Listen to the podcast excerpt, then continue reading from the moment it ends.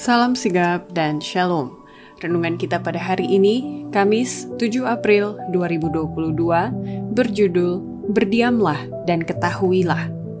Ayat intinya terdapat di dalam Mazmur 46 ayat 11. Diamlah dan ketahuilah bahwa akulah Allah.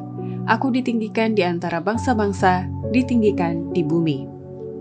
Pena Inspirasi menuliskan yang dimaksud dengan judul renungan kita pagi ini, Berdiamlah dan ketahuilah sebagai petunjuk bagi kita agar mau menuruti nasihat, dikarenakan nasihat itu adalah milik Tuhan, firman-Nya, sehingga kita lebih dapat merasakan kasih Allah yang tiada bandingnya itu adalah sebagai berikut. Pertama, faedah bagi setiap orang percaya, berdiamlah dan ketahuilah adalah agar kehidupan Yesus bisa nyata di dalam diri kita dengan menghasilkan tabiat dan pekerjaan-pekerjaan yang sama sebagaimana itu juga dilakukan oleh Yesus. Setiap anak hidup oleh kehidupan ayahnya. Jika kamu anak-anak Allah, diperanakan oleh rohnya, kamu hidup oleh kehidupan Allah.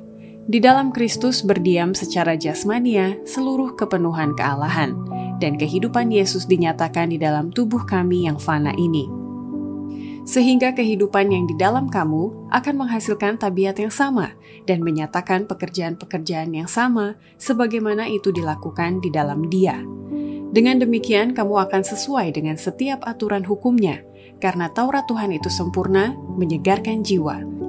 Melalui kasih, tuntutan hukum Taurat akan digenapi di dalam kita yang tidak hidup menurut daging, tetapi menurut roh.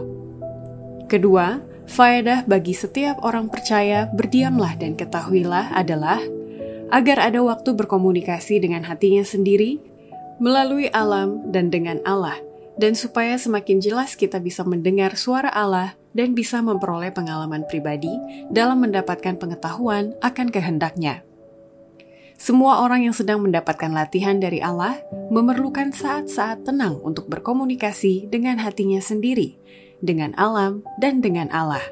Dalam diri mereka haruslah dinyatakan satu kehidupan yang tidak sesuai dengan dunia ini, dengan kebiasaannya atau dengan praktiknya dan mereka perlu memperoleh pengalaman pribadi dalam mendapatkan pengetahuan akan kehendak Allah.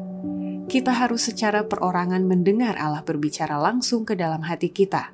Bila mana suara-suara yang lain didiamkan dan kita nantikan Dia dalam ketenangan jiwa, maka semakin menjelaskan suara Allah.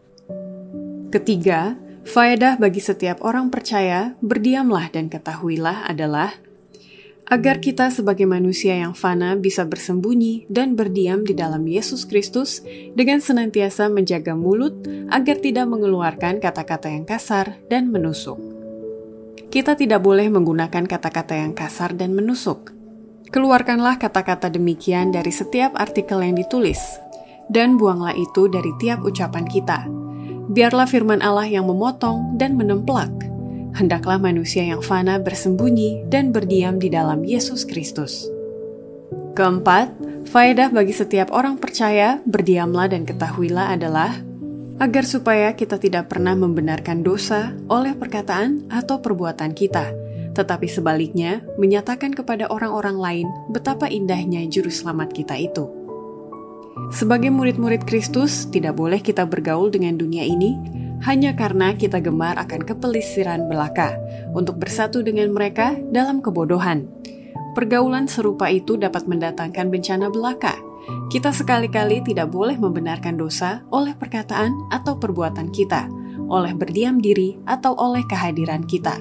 Ke mana saja kita pergi, kita harus membawa Yesus beserta kita dan harus menyatakan kepada orang-orang lain indahnya juru selamat kita itu. Demikianlah renungan kita pada hari ini. Kiranya Tuhan memberkati kita semua.